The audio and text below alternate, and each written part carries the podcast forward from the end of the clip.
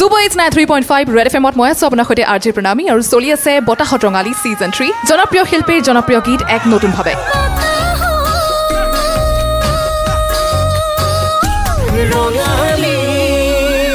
আৰু বতাহত ৰঙালী যিহেতু গম পাইছে এনে এখন মঞ্চ য'ত আপুনি আপোনাৰ প্ৰিয় ছিংগাৰক দেখিবলৈও পায় শুনিবলৈও পায়। আৰু যোৱা বছৰৰ দৰে এইবছৰো আমাৰ সৈতে ষ্টুডিঅ'ত আছে প্ৰাঞ্জল পৰশ হেল্ল' ওৱান ছেকেণ্ড হেল্ল' আৰু প্ৰাঞ্জল এইবাৰ জানিব বিচাৰিম যদি এটা মেছেজ দিবলৈ কওঁ ৰাইজলৈ যিয়ে বৰ্তমান আমাক দেখি আছে আমাক শুনি আছে সেইসকললৈ গীতৰ জৰিয়তে কোনটো মেছেজ দিব বিচাৰিবা? মোৰ এটি গীত আছিল বাপুকণ বুলি। মিউজিক কৰিছিল কল্যাণজিৎ দত্তই। সেই গীতি আহ, ৰাইজে খুব আদৰি লৈছিল। সেই গীতেৰে এটি parody version crime against women and actually যৌতুক প্ৰথা গতিকে সেইটোৰ এগেইনষ্টত দুআষাৰ মাত্ৰ।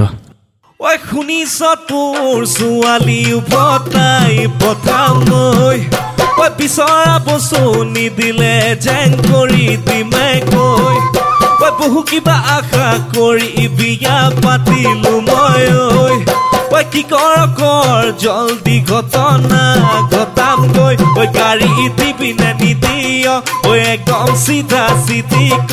ঐ এচি দিবি নিদিয় আজি এই ফাইনেল ক। ঐ নিদিলে কি কৰিম ভালদৰে জান তই।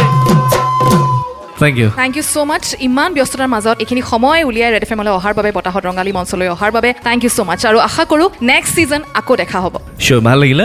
Thank you once again to the whole team all the members ভাল লাগিলে। আকৌ সকলোৰে দিন ৰঙীন হওক ৰঙালীৰ দৰে। থেংক ইউ য়েছ তাৰে আমিও কামনা কৰোঁ।